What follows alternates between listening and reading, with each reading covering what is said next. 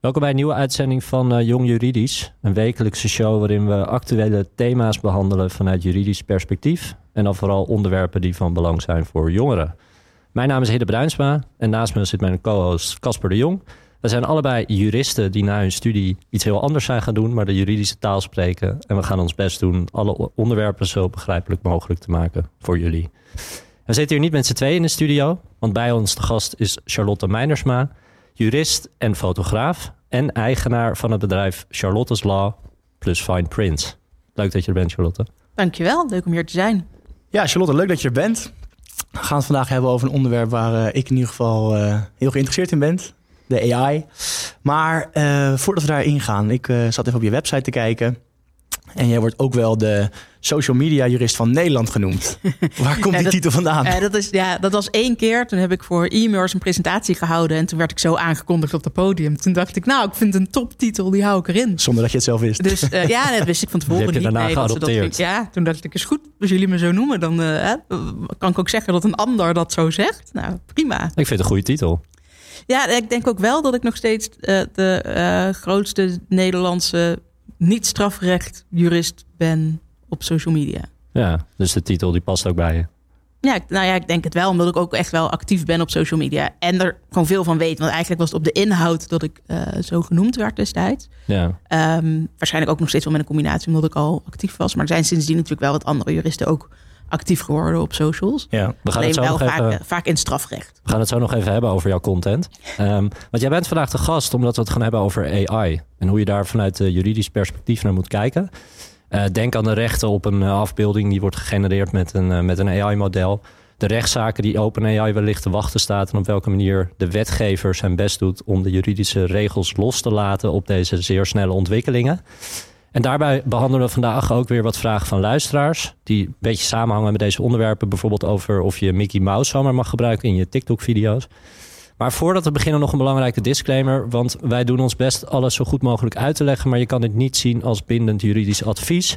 Mocht je dat nodig hebben, ga dan naar jurist. Er zit er eentje tegenover ons. Advocaat, vakbond of juridisch loket. Casper, volgens Yes. mij heb jij weer even een, een kleine quiz met wat vraagjes over AI. Ja, elke week uh, doen we even een klein korte kennisquizje. Oh, oh. Hè? Hoe zitten we erin? Um, ik moet zeggen, hij is deze week goed te doen. Goed te doen. Okay. Ik ben niet zo goed in Trivial Pursuit namelijk. Nee, precies. Laten we beginnen bij vraag 1. Uh, een hele makkelijke, echt voor de beginnende luisteraars, denk ik. Uh, waar staat AI eigenlijk voor? Hè? We praten veel over AI, maar waar staat het nou eigenlijk artificial voor? intelligence, kunstmatige intelligentie uh, in het Nederlands. Uh, dus je zou eigenlijk kunnen zeggen, hè, uh, computers die ook ja, zichzelf dingen aanleren of, of zelf dingen kunnen genereren. We, moeten er wel een beetje rekening mee houden, want we hebben het heel vaak nu over gewoon AI. Ja. Uh, maar dat is natuurlijk veel breder dan waar we het vaak over hebben als we het over het uh, programma OpenAI hebben of ChatGPT, DALL-E, Midjourney, whatever. Dat is zogenaamde generatieve artificial intelligence. Dus ja. die maken echt zelf iets. Terwijl AI zit natuurlijk eigenlijk al stiekem in heel veel software, uh, omdat dat hè, zelf een beetje nadenkt, reageert op wat je zelf invoert en daar suggesties in doet of zo. Precies. En dat is geen generatieve AI, maar gewone AI. Ja, dus daar zit wel we... ook een beetje verschil in. En daar gaan we het sowieso straks nog veel meer over hebben. Sluit wel aan op zich op, uh, op de volgende vraag. Ah. Hebben jullie wat voorbeelden van dagelijks gebruik of dagelijks toepassingen van AI? En dan sluiten we ChatGPT even uit. Uh, Dali. ah, Siri, oh, denk ik. Die is heel flauw. Siri? Uh, soort van. Ja, dat hangt dus inderdaad een beetje af van wat dan je uh, definitie is van artificial intelligence. Is dan, is dan alle ja. slimme software. Is dat dan is meteen dat dan kunstmatig? Ja. Dat is misschien een beetje maar, brede. Ja, maar dit, nou ja, laat ik het zo zeggen. Ik heb, als ik op social media iets post en ik ben een tekstje aan het tikken, dan suggereert hij bijvoorbeeld wel als het, het, volgende woord. Of als het eerste letter van het woord intikt, dan zegt hij, oh, bedoel je dit woord? Precies. Omdat hij dus kijkt naar wat je daarvoor hebt geschreven. Nou, dit is dus een veel voorkomende zin. Dus het is logisch als dit woord ja. daarop volgt. Maar daar vergissen op zich mensen nog best wel in. Hè? Ik bedoel, heel veel mensen denken nu bij AI aan ChatGPT of andere dingen. Maar uh, aanbevelingssoftware op Netflix, aanbevelingssoftware ja. Prime, Siri inderdaad. Ja, het, het zit in heel veel algoritmes, uh, zit het inderdaad exact, eigenlijk exact. ook. Het zal alleen maar meer worden waarschijnlijk. Daarom. Ja. Nou, volgende vraag voor jullie. Vond ik ook wel een bijzondere. In welk, even een klein stukje geschiedenis. In welk jaar uh, werd de term artificial intelligence voor het eerst gebruikt? Uh, geen idee. het enige wat ik zelf weet is dat ik er uh, afgelopen jaar achter kwam dat ik al een aantal jaren geleden ook een artikel had geschreven over kunstmatige intelligentie. En 2018, hè? Volgens mij. Dat zou best kunnen. Dus ik vermoed zomaar dat uh, in 2002 of zo, of misschien wel in 1998 of. Ja, ik had, deze vraag, ik had deze vraag ook wat aan wat vrienden van mij gesteld. En daar kreeg ik ook allemaal toch wel na 2000 de, de, als antwoord.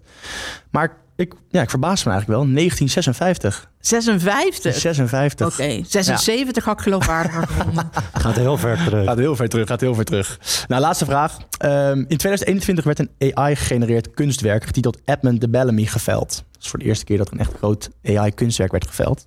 En aan jullie de vraag, hoger, lager? Werd deze geveld voor meer of minder dan 100.000 euro? Meer. Ja, meer. Ja, weer goed inderdaad. Was, uh, was zeker meer. Het was namelijk 432.000 eh, dollar. Was de eerste keer een grote doorbraak. Uh, nou, ik snap wel dat je het koopt. Het zal waarschijnlijk in de toekomst nog wel meer waard Een goede investering, zeg jij. Nou. Het zijn van die typische dingen, weet je, net als uh, dat, dat Banksy kunstwerk dat dan door de shredder gaat. Ja. Jij is het dan nog wat waard of niet? Ik weet nog dat ik, weet ik veel, een jaar of tien was en uh, de Victory Boogie Woogie zag in het gemeentemuseum Den Haag van Mondriaan. En het was het jeugdjournaal geweest voor hoeveel het was aangekocht. En ik stond daar. En het eerste wat ik zei, het is niet eens af. Hoezo betaal je hier miljoenen voor? Ja, weet je, dat is gewoon het hele idee van het is uniek. Dus het is een van de eerste dingen. Uh, ja, en dan wordt daar opeens op een andere manier waarde aan gehecht dan. Ja, klopt. Hey, we gaan even terug naar november 2022. Want toen maakte de wereld kennis met uh, open AI en uh, meer specifiek met ChatGPT. Volgens mij duurde het 24 uur en toen stond mijn telefoon en elke tijdlijn waar ik online ben vol met mensen die alleen maar nog bezig waren met, uh, met de open AI en ChatGPT. Nu ben jij jurist, je bent fotograaf, maar je bent ook contentmaker. Je maakt een heleboel content. Ja. Gebruik jij daarin nou AI? Nee. Niks. Nee joh, dan moet ik gaan prompten, dat kost me tijd. En dan moet ik het daarna nog gaan redigeren. Nou, dat is het stomste werk dat er is. Dus alsjeblieft niet zeg. Nee, denk je niet dat AI het proces juist uh, een beetje kan versnellen? Ik denk dat het voor heel veel mensen het proces zou kunnen versnellen. Maar dat zijn de mensen die niet iets in one take opnemen. Die het lastig vinden om een tekst goed te structureren. Weet je, als ik iets online knal, dan ik, ik schrijf het en het gaat online. Ja. Je hebt niet zo dus heel veel aan die. Ik doe, ja, ik doe niet heel veel extra dingen. Zo, nu zou ChatGPT me ook nog niet kunnen helpen met goed bronnenonderzoek. Uh, tegen de tijd dat dat wel kan. Uh, hè, SDU is daar bijvoorbeeld mee bezig. Dan zou het me best wel kunnen helpen om sneller aan informatie te komen. En ook te weten waar het vandaan komt, zodat ik het ook beter kan controleren. Ja. Um, dus nu heeft het voor mij nog geen zin. Maar er zijn natuurlijk heel veel mensen die zelf geen goede tekstschrijver zijn. Zeg, ja, schrijf maar een tekst hier en hier over. Uh, en die dat dan heel fijn vinden. Zeg, nou, dan ga ik het daarna redigeren. Ik redigeer mijn eigen teksten niet. Dus daar zit ook wel eens een spellingsfoutje of een, uh, of een ja. foutje tussen. En dan DM't iemand met me, joh, zit nog een foutje in. Oh, oeps, sorry. Ja. En soms redigeren mensen die tekst natuurlijk helemaal niet. Ik denk dat denk dat, dat ja, een mooi eh, bruggetje is naar uh, waar we het vandaag natuurlijk wat beter over gaan hebben. Hè? Kijken naar het gebruik van AI vanuit juridisch perspectief. En um, ik denk dat het goed is om eerst even bij de basis te beginnen. Want in Nederland hebben wij zoiets als een uh, auteurswet. Zeker. En, um, kan je eigenlijk even in het kort uitleggen wat die wet nou precies beschermt? Um, die wet beschermt, voor zover wij daar nu over nadenken, moet ik daar misschien even bij zeggen, um, werken uh, gemaakt door mensen. Um, dus het moet een, een menselijke schepping zijn uh, en enigszins creatief. En als die creatieve drempel niet zo heel erg hoog. Maar het beschermt dus eigenlijk alles wat, uh, wat, wat gemaakt is. Het beschermt geen stijlen, het beschermt geen ideeën. Uh, maar bijvoorbeeld wel teksten, foto's. de Mondriaan die nog niet af was.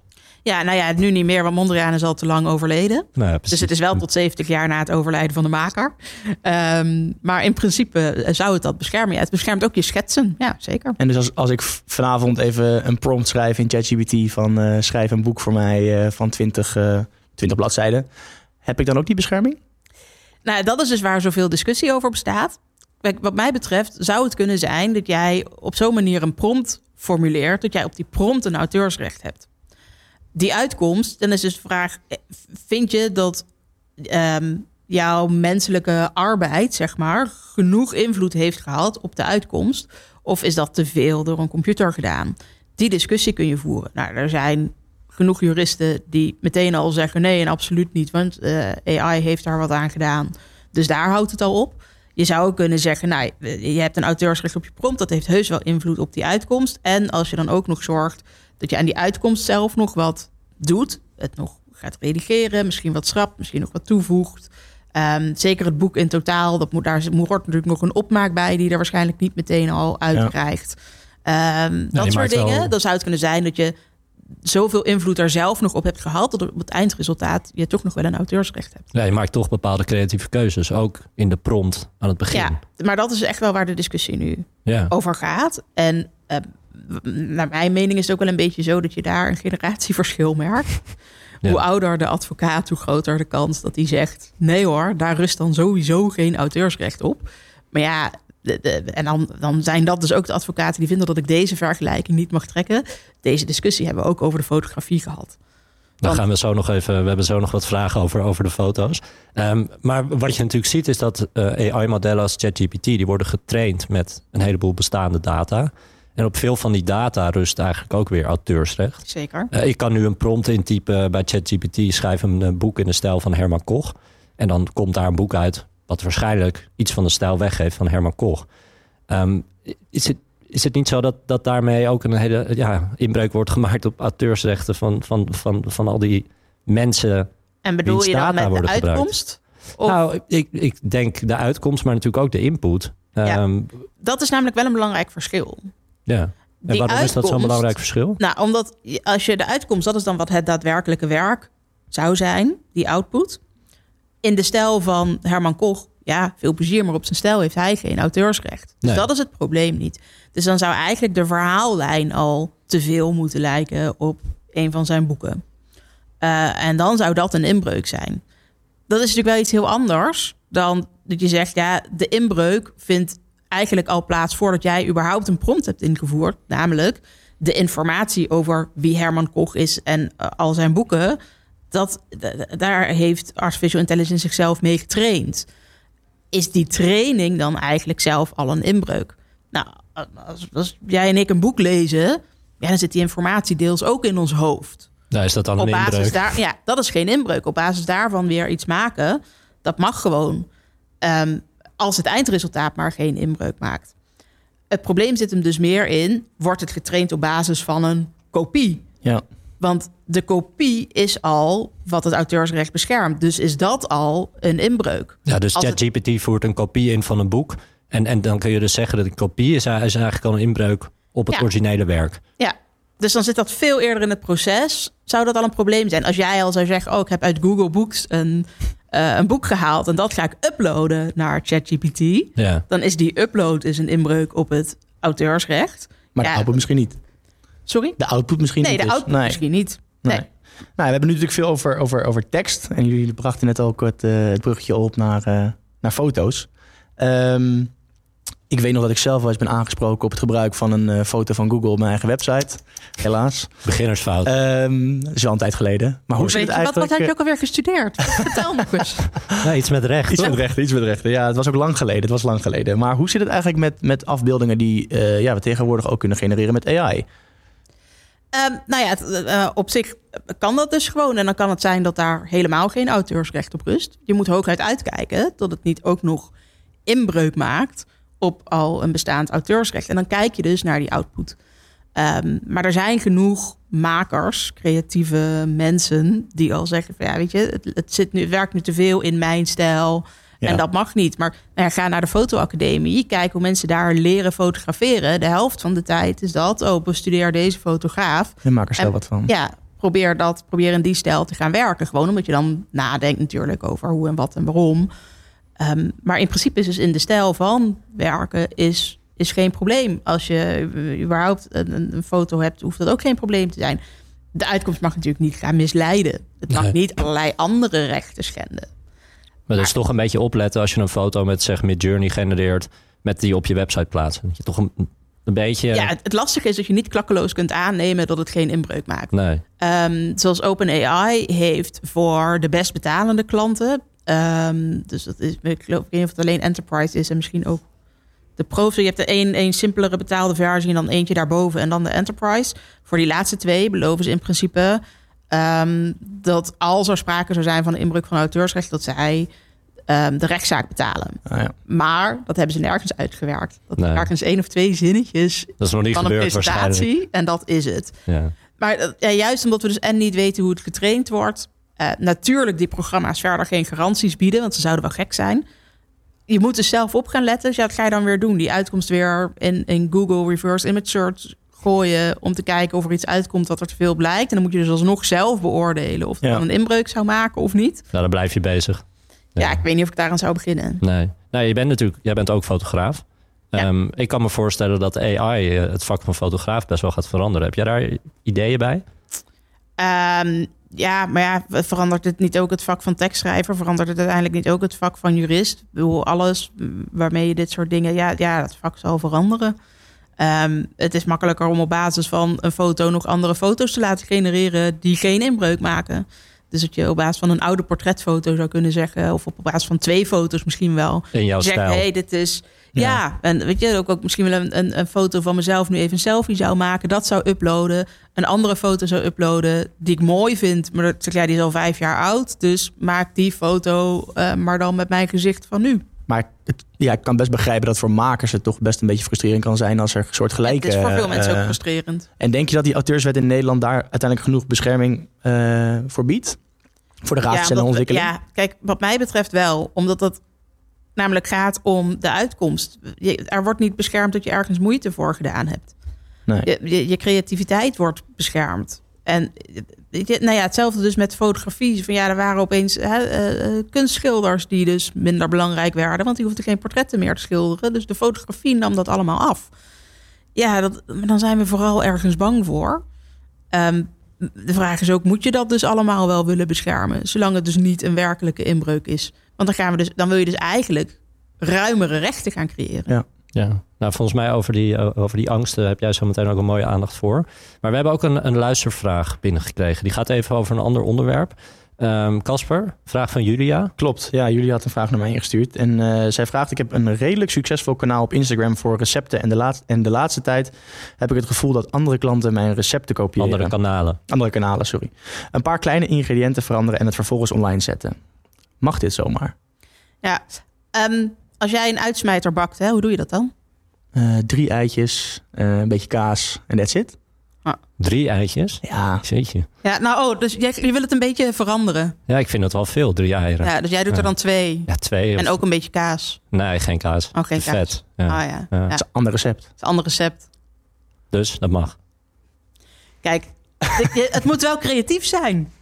Je ingrediëntenlijst is gewoon, anders heet het misschien geen uitsmijter. Want als jij het hebt over, ik heb twee gebakken eitjes, is geen uitsmijter. Weet je wel, daar moet wel of kaas of ham of spek op. En de- anders, zit, anders zijn twee spiegeleieren die misschien aan elkaar geplakt zitten of zo.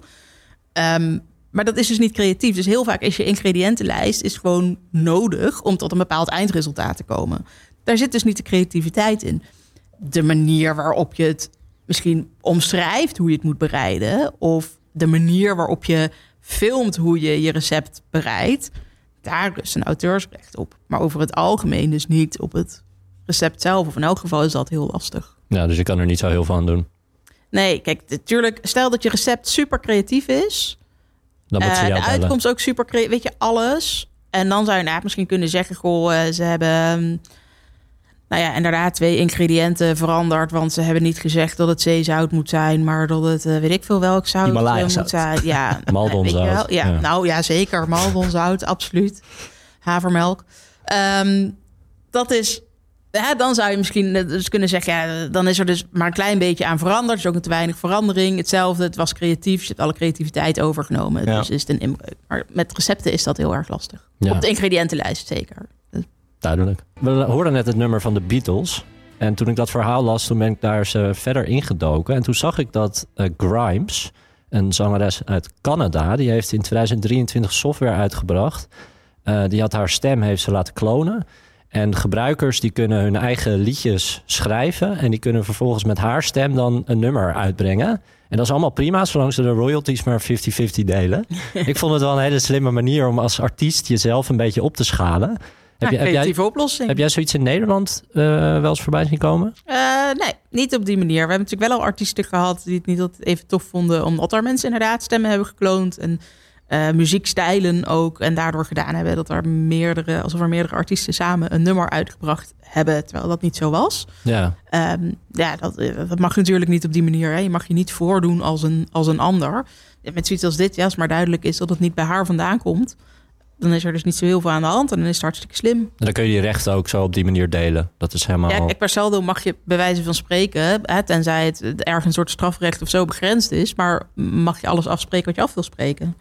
Ja. Ehm, dus Ja. die, die ruimte die is er en dan is dit denk ik heel slim. Nou ja, dan moet je zorgen dat het, eh, nou ja, omdat je het al op deze manier aanbiedt, dan kun je meteen al in je, in je contract of je voorwaarden opnemen. Dat je zegt, nou ja, als je dit gebruikt, dat betekent dat wel dat je daar even bij moet vermelden dat je deze software hebt gebruikt. Of eh, hè, dat, het, dat we geen samenwerking hebben gehad verder. Of nou ja, whatever. Daar kun je iets van een disclaimertje bij doen. Ja. En dit is natuurlijk een best, best slimme manier voor een artiest om wat, eh, om wat bij te verdienen. Maar volgens mij, wat we de laatste tijd steeds vaker zien, is dat het ongewild gebruik wordt gemaakt van, van stemmen, van portretten. Ehm, hadden natuurlijk die Max Verstappen eh, eh, situatie natuurlijk met de online supermarkt, maar ook veel gezichten die op bepaalde memes zijn gepost. Eh, je ziet het steeds vaker voorkomen. Maar Max Verstappen, dan bedoel je Picnic? Eh, mm, Ja. die, ja, Dat was een lookalike. Dat was dat, een was een, lookalike. dat was een lookalike. Maar je ziet natuurlijk eh, vaker de memes voorbij komen met gezichten van andere mensen, ehm, stemgebruik van andere mensen, ehm, deepfakes. Eh, loop je nou als, ja, wat zijn eigenlijk de risico's als maker als je dat online gooit? als je zo'n meme of een deepfake of whatever. Kijk, op zich is ehm, een deepfake op zichzelf geen probleem. De vraag is altijd: hoe zit het in elkaar? Kunnen mensen het dus wel of niet herkennen? En eh, eh, wordt daarmee iets gesuggereerd? eh, waarmee je iets over iemand zegt of waar, waar, waarmee iemand een bepaalde uitspraak doet, eh, die vervolgens een eer en goede naam schendt of zo. Als je daar duidelijk bij vermeldt, hey, dit is een deepfake, dan hoeft het niet per se een probleem te zijn. Dus mijn hoofd kan ergens worden gebruikt als er maar bij staat, dit is een deepfake. Ja, er is bijvoorbeeld een YouTube-kanaal DeepNap. Die zijn, maar die hebben dat niet allemaal met artificial intelligence gedaan. Heeft wel iemand dan echt een, een stem nagebootst. Ehm, en is, is het beeld vooral eh, geautomatiseerd gebruikt. Ja, weet je, je weet dat dat YouTube-kanaal, daar worden soms ook echt teksten uitgesproken waar dus weet dat dat niet bij die persoon vandaan komt.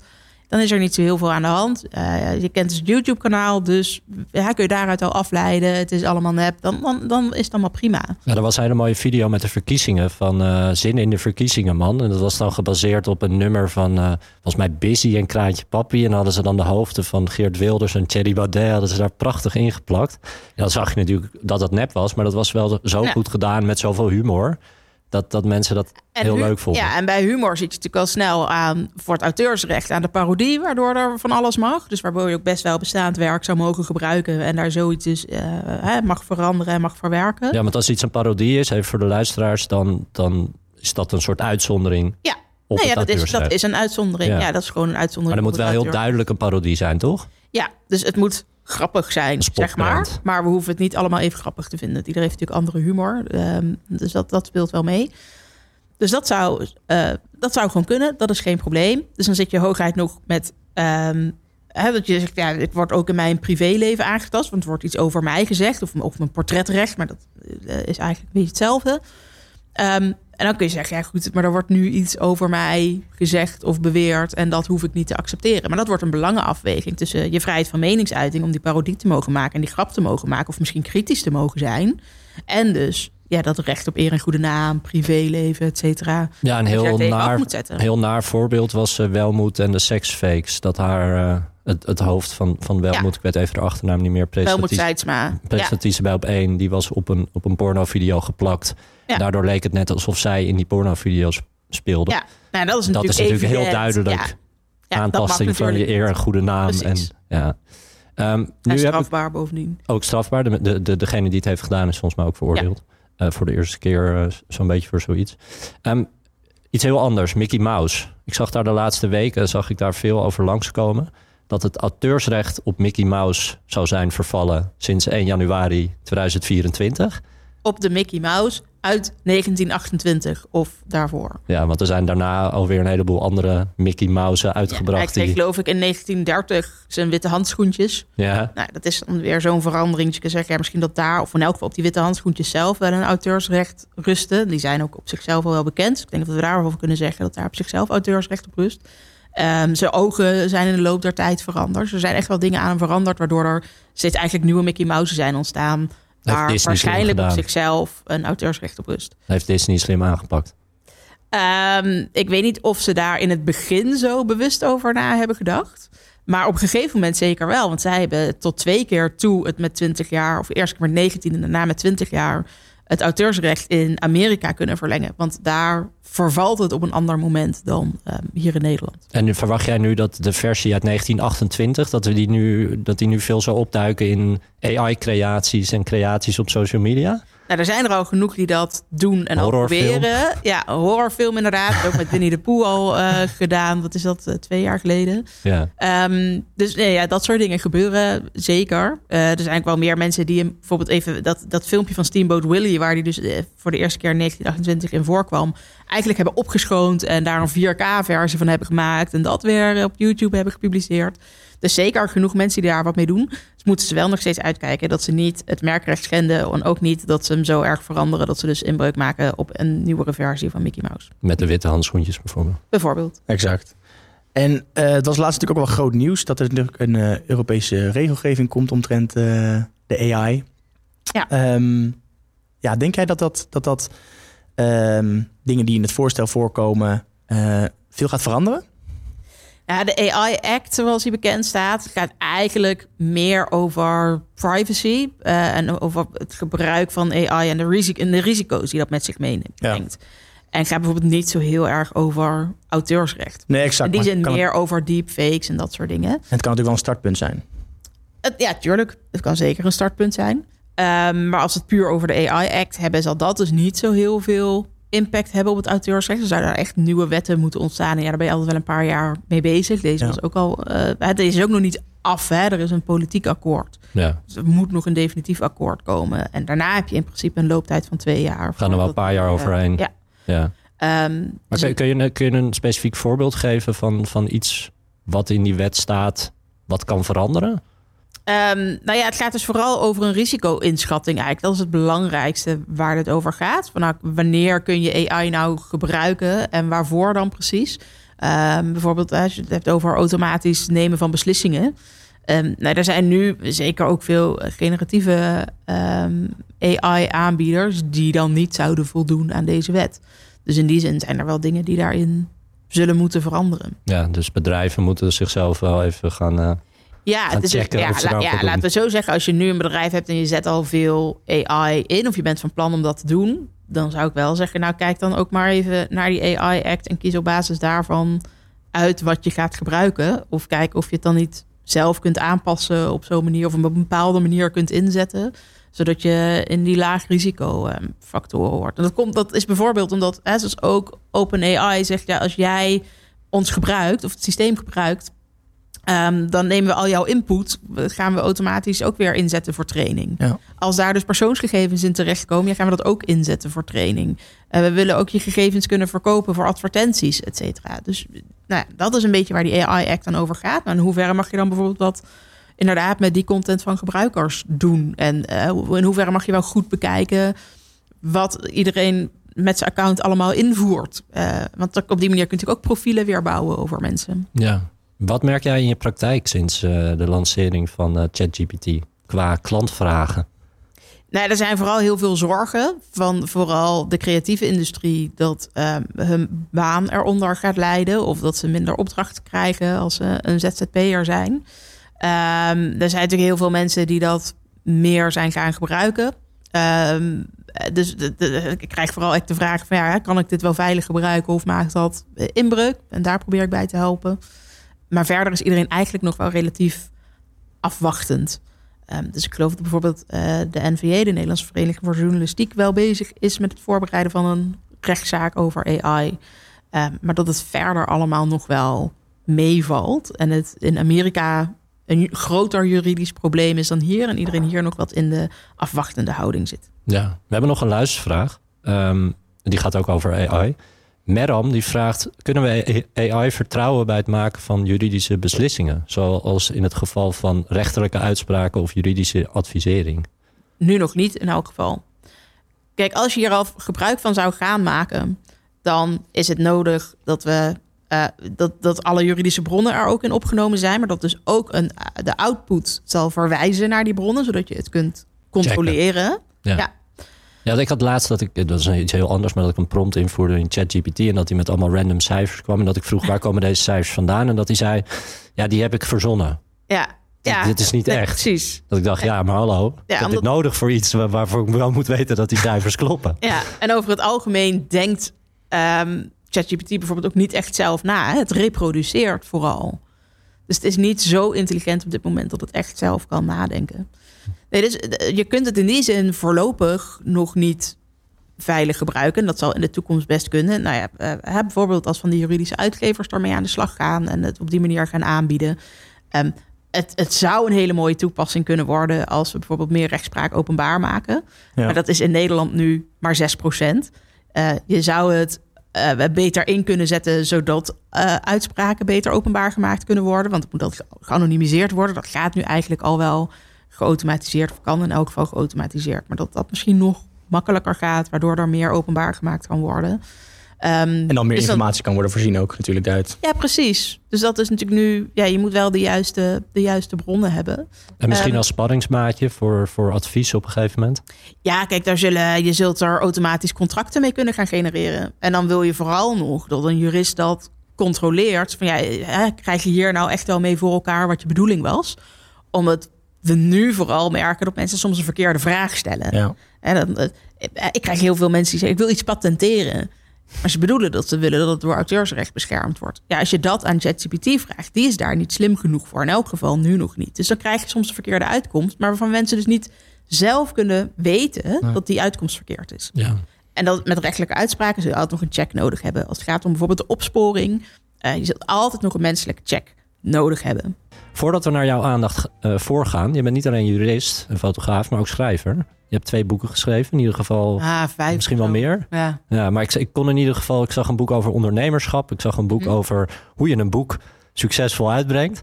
Ja. Komt er binnenkort nog iets nieuws? Misschien iets met AI? Um, ehm, ja, op de planning stond oorspronkelijk om een boek te schrijven over marketing en de juridische kanten daarvan. Um, en zeker nu er steeds meer uh, nou ja, procedures bij de reclamecodecommissie plaatsvinden over bijvoorbeeld uh, greenwashing en van die milieuclaims en zo.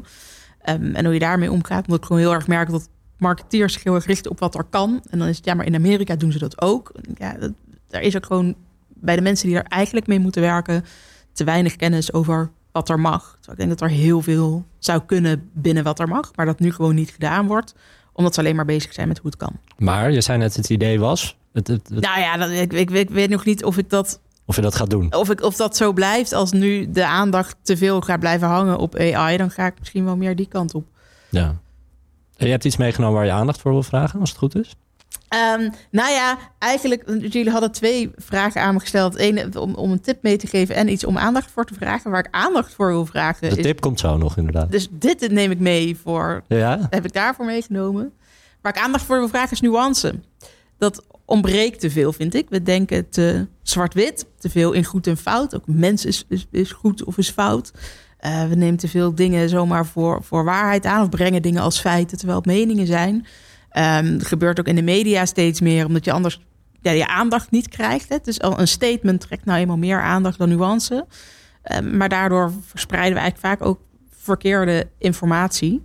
Um, dus dat is eigenlijk, ik wil aandacht vragen voor meer nuance in, in gesprekken, in uitingen. In, ja, Doe jij dat in je werk als jurist? Breng je nuance aan? Uh, ja, want ik, ik ben natuurlijk continu met mijn cliënten bezig met ja, kan iets wel of niet. Ja, dan zit het heel vaak een soort van het, kan wel, maar je moet ook hierop letten. Of uh, hè, het, is, het is vaak niet zo zwart-wit. Zeker het auteursrecht zit je heel snel al in een grijs gebied. Uh, en we hebben het juist over dat grijze gebied, want dat is natuurlijk altijd waar de twijfel ook ontstaat. Um, en ik, ik, ja, ik vind het ook wel heel belangrijk om dingen niet te veel als statement te brengen. Maar ja, ik merk ook wel, als je het hebt over actief zijn op social media, breng het maar wel als statement, want dan krijg je de aandacht. Dan krijg je de kliks. Dus, ja, dus soms is het ook nuttig om een, ja, en voor die reacties is het soms ook wel nuttig om te zeggen: Nou, oké, ik maak een bold statement. Uh, en als dat dan ook heel overdreven is, dan zullen mensen ook meteen wel merken: Oh, dit, dit bedoel je niet op deze manier. En dan is het prima, want dan kan juist die discussie daaronder ontstaan. En dan creëer je alsnog die nuance. Ja, je lokt het uit inderdaad. Maar, ja. ja. en dan denk ik, nou oké, dan, heb, hè, dan heb je het daarmee opgelost. En dan is dat ook top. Um, maar er, er, zijn nu ook wel ook heel veel mediamakers die ja, iets heel erg eenzijdig brengen. En dat soms heel goed weten te framen. Um, waardoor het lijkt alsof het heel betrouwbaar is en dat dat niet is. Um, en, dat, en dat vind ik wel een probleem, dat we ook te veel... Ja, daar gaat de tip dan zo meteen ook nog wel even over. Maar dus ik wil dus graag dat we genuanceerder met elkaar spreken... en uh, elkaar meer de ruimte laten en mensen niet... voor allerlei dingen eigenlijk niet te veel in zwart en wit en goed en fout indelen. Ja, Casper, jij had ook uh, iets waar je aandacht voor wil vragen. Ja, het is wel grappig, want het sluit er uh, eigenlijk uh, naadloos op aan. Oké, okay. um, ben benieuwd. Je hebt het over nuance inderdaad. En ik was zelf ook deze week weer lekker door het nieuws aan het scrollen over het onderwerp AI. Hmm. En wat mij daar eigenlijk heel erg in opviel is de negatieve en angstaanjagende berichtgeving rond AI en eigenlijk de beïnvloeding daarvan. Daar ging ik wat langer over nadenken. En ik heb ook even ja, vier kopjes voor jullie meegenomen. Wees kritisch op de grote beloftes die techbedrijven doen over AI. Opkomst AI raakt volgens IMF banen wereldwijd. Hoe AI steeds meer verkiezingen beïnvloedt. Om de winst nog verder te verhogen willen supermarkten nu onze privacy stelen met AI-surveillance. En dit, dit, waren er maar een paar van de hoeveelheid die ik zag. Maar Hmm. Hoewel het, het zijn serieuze zorgen, uh, het zijn serieuze problemen. Maar eigenlijk merk ik in ieder geval dat AI vaak in het nieuws komt met negatieve lading, uh, negatieve opbouw. Ja. Terwijl ik denk van, hey jongens, laten we dat ook wat nuanceren. Ja. En laten we eens kijken naar de positieve effecten. Want um, ja, wat ik ook denk, en daar hebben we het in het begin van de uitzending ook wel even over, het generatieverschil in gebruik van AI eventueel. Mm. Uh, misschien de generatie die toch iets meer de krant leest, uh, de generatie die misschien iets meer het nieuws leest. Ja, waar je toch wel vaak dan een negatieve blik krijgt op AI. Um, maar misschien scoort die negativiteit gewoon. Dat je, dat je daardoor misschien toch eerder ja. zo'n artikel van... oh, om de winst nog verder te verhogen... willen supermarkten nu onze privacy stelen met AI-surveillance. Ja, dan denk je wel van... wat gaat daar gebeuren? Ik wil dit lezen. Ja, ik, ik snap, maar als ik het, snap dan, als het dan alleen de kop zou zijn... en de nuance komt Exact. daarna... dan zou je nog kunnen zeggen... oh goh, dan zorgt dit er juist misschien wel voor de awareness... en dat mensen het erover gaan hebben... Maar over het algemeen van die artikelen over... Uh, er, er, gaan heel veel banen verloren. Dan Ja. is het alleen maar dat. Er gaan heel veel banen verloren. En hoe gaan we dat dan... Ja, mensen, dat hadden we bij de industriële revolutie ook. Uh, weet je, uh, als je het überhaupt hebt over... ja, maar uh, hoe is het voor makers? Ja, de fotografie nam ook heel veel van kunstschilders over. Zo gaat En het gewoon. Als je nu kijkt wat je betaald kunt krijgen als prompt engineer... Goede Misschien baan. moet je daar dan niet zo treurig over zijn. En ontstaan er gewoon heel veel Dus nieuwe nieuw banen werk. Precies, en hou, de, en hou de balans. Want um, ik denk dat het een beetje te veel af en toe naar de negativiteit trekt. Ja. Uh, schrijf eens over de positieve kanten, wat het oplevert, wat het efficiënter kan maken. En bij Um, voorkeur in hetzelfde artikel. Exact, om iedereen ook mee te krijgen in, Ja. in de revolutie die er eigenlijk toch wel aan zit te komen. Ja, nou twee aandachtsvoor die heel goed bij elkaar aansluiten. We hebben ook nog een luistervraag. Jazeker. Um, Twee zelfs. Joost vroeg zich af, hoe zit het met de aansprakelijkheid als een AI-gegenereerd advies of product fouten bevat? Wie is er verantwoordelijk voor de schade? Ja, nou ja, ehm, daarover wordt dus inderdaad wel bijvoorbeeld wat wetgeving ontwikkeld. Zodat je als consument eigenlijk direct eh, zo'n softwareaanbieder aan zou kunnen spreken als er daardoor dingen misgaan. Hè, dat dat echt komt door het gebruik van AI. Staat dat in die AI, in die eh, wet in Europa? Of, of Dat, is wordt, ja, dat wordt ook een Europese. Wordt ook een Europees, maar dat is weer een, iets Ja. anders dan waar we het net over Ja. hadden met dat stuk privacy. Ja. Oké. Ehm, maar in principe eh, zullen ze het allemaal uitsluiten natuurlijk in hun algemene voorwaarden dat ze voor dat soort dingen aansprakelijk zijn. En over het algemeen zit er nog een ander bedrijf tussen dat eh, natuurlijk ja, de eindverantwoordelijke is voor het gebruik van de AI. En kun je dat bedrijf erop aanspreken. Dus eh, weet je, je moet ook zelf na blijven denken. Dus je kunt niet altijd maar alles afschuiven op iets anders. Het hangt ook af van de beloftes die gedaan worden. Maar stel je wil zo'n bedrijf aanspreken, waar, waar moet je dan beginnen? Dat je het gevoel hebt van hé, hey, er is een advies aan mij gegeven wat gewoon fouten bevat. Nou ja, als dus de belofte is dat dat advies klopt ehm, en, dat, en dat je daarop voort kunt borduren, ja, dan zeg ik van ja, maar hè, dan moet je natuurlijk eerst aantonen dat dat advies niet klopte en wat dat dan wel geweest moet zijn. Dus dan moet je alweer niet in een soort grijs gebied belanden van, eh, nou ja, het advies had wel kunnen werken als je maar op de juiste manier had opgevolgd of zo. Ja, hè? Maar ja. dat, dat zijn problemen die we nu ook hebben zonder AI. Ehm, dus dan, maar dan, nou ja, uh, jij zei net uh, tijdens de muziek even, van, ja, ik heb dan wel eens gehad dat er verkeerde cijfers uit de AI kwamen, terwijl ik die toch wel nodig had. En dat, dat er op die zin een, een, verkeerd antwoord is. Nou ja, jij hebt dat nog uitgezocht. Ja. ja. als andere mensen dat niet doen, dan zou je daarvan dus later waarschijnlijk ook makkelijker kunnen aantonen, hey, dit klopt niet. dan moet je dus ook uitleggen wat je schade is. En dan Kun je de daarop aanspreken? En de algemene voorwaarden waarschijnlijk even doorspitten van wat, wat staat er allemaal in qua uitsluiting? Um, ja, behalve als ze al eerder hebben beloofd, goh, wat de uitkomst is, dat klopt gewoon en je kunt het hier en hiervoor gebruiken. Dan kun je dat niet in Nederland niet altijd meer redden door dat in algemene voorwaarden weer uit te sluiten. Nee, oké. oké. We hadden ook nog een vraag van uh, Meike. Die zegt, uh, ik studeer rechten en ik hoor veel over AI in de juridische wereld. Ik hoor niet zo heel veel over AI in, in de studiebanken. Uh, hoe, kan, hoe kan ik mij als student, misschien studentrecht, maar misschien ook wel student in het algemeen, nou voorbereiden op de toekomst waarin uh, eh, AI een grote rol speelt? Nou, laten we de juridische wereld nemen. Hoe kan zo'n student zich daar goed op voorbereiden? Um, nou ja, er is sowieso wel al meer discussie over. Zij zou daar niet al meer over, over, over technologie en zo uh, terug moeten komen al in de opleiding. Er zijn heel veel dingen die als jurist niet meekrijgt in je opleiding en pas in de dagelijkse praktijk leert. Ja. Um, er wordt altijd iets anders beweerd op universiteiten ja, geloof ze niet. Want je bent echt niet klaar voor de praktijk als je van de universiteit komt. Ik denk dat je in die zin als uh, eh, HBO-rechtenstudent meer klaar bent voor de praktijk. Want? omdat je meer praktische tips krijgt? Ja, je moet stage lopen. Uh, maar je vak, de, de, de, de, helft van je vakken of driekwart van je vakken zijn praktische vakken. Mm -hmm. dus je, je, leert al normaal schrijven. Nou ja, je wordt op de universiteit bij wijze van spreken afgestraft, afgestraft als je niet wollig genoeg schrijft. Weet je wel? Waar heb jij gestudeerd? Uh, in Utrecht en in Amsterdam. Aan de UvA. Um, dat, dat, dat, soort dingetjes. Ja, dus ik zou vooral zeggen: probeer. Uh, als, als, het, als je gaat om ik wil zelf artificial intelligence in de praktijk gaan gebruiken.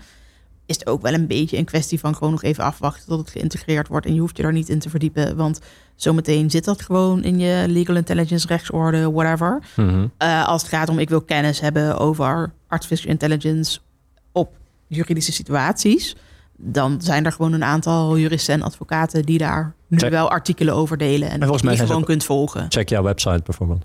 Uh, ja, nou ja, ja, ik schrijf er inderdaad ook over, maar er zijn er meer die dat doen. Ja, en, en die daar soms natuurlijk ook een andere kijk op hebben. Dus ik zou ook juist zeggen, probeer er een aantal te zoeken die daar met meer regelmaat over schrijven. En die daar misschien ook juist allemaal net een beetje andere mening over hebben. Um, zodat je op die manier die informatie binnenkrijgt en je dat. Ook weer die nuance, dat je de verschillende kanten meekrijgt ja, van, van het verhaal hè, zoals we het er al in het begin over hadden, hoe zit dat nou met de uitkomst van als je iets in, een generative AI tool hebt gestopt, uh, heb je auteursrecht op die uitkomst? Nou ja, ik geef daar allerlei criteria voor wanneer ik denk dat dat wel zo zou kunnen zijn. Maar ja, er zijn ook juristen die zeggen: nee, want je hebt AI gebruikt, dus niet, punt. Ja, ik spreek in die zin dus de waarheid ook nog niet. Um, het kan ook best wel zijn dat we afhankelijk worden van rechters waarvan ik soms gekkerend een beetje zeg, die weten nog net het aanknopje van de computer te vinden. Afhankelijk dus van wie zij gaan geloven en welk verhaal eigenlijk het prettigst gebracht wordt, waardoor ze denken, oh ja, dit, dit zal dan wel kloppen. Het kan zijn dat we op basis daarvan een bepaalde richting op gaan en dat dat misschien technisch gezien zeg maar niet per se het juist is. Ja.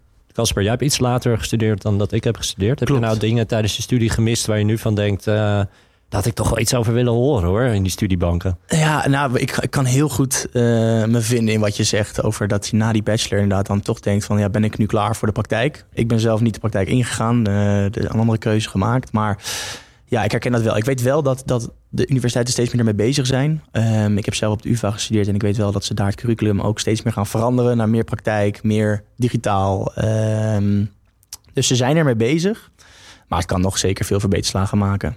Ja. Nou ja, we, hebben, we krijgen wel een vak verbindenisrecht, maar ja, heb je ooit een contract gelezen tijdens je studie? Zeg maar. Of er eentje op moeten stellen? Heb nou idee. Nou, misschien Hoe begin je daar nou aan? Hoe eentje dat... opstellen met AI en dan kijken wat er allemaal fout zit. Ah, ja. We gaan nog even naar een tip. Jij, jij zei net al, ik heb iets meegenomen. Ja, tip van de week, tip van de aflevering. Uh, het gaat er eigenlijk over dat je mensen niet zomaar moet geloven in wat ze zeggen. Ook niet als het documentaires zijn. Omdat worden, er wordt heel veel geframed.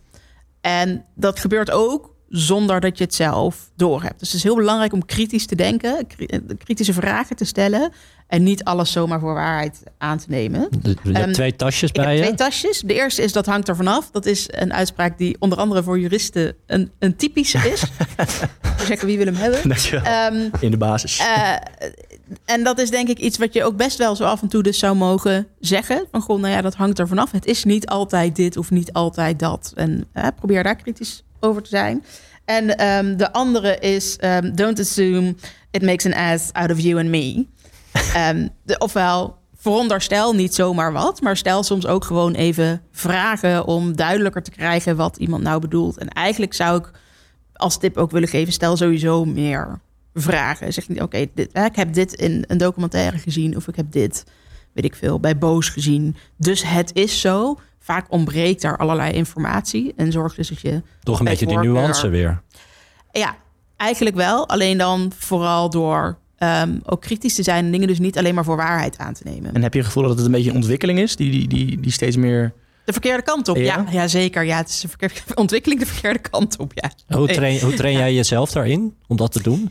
Ja, het lastige is dat ik ehm, eh, van mezelf nogal analytisch en kritisch schijn te zijn. Dus ik hoef mezelf daar niet op te trainen. Mensen vinden mij eigenlijk heel vervelend, omdat ik al zo snel ergens van ja, maar hoe zit dan dit en hoe zit dan dat en ja, maar waarom dan?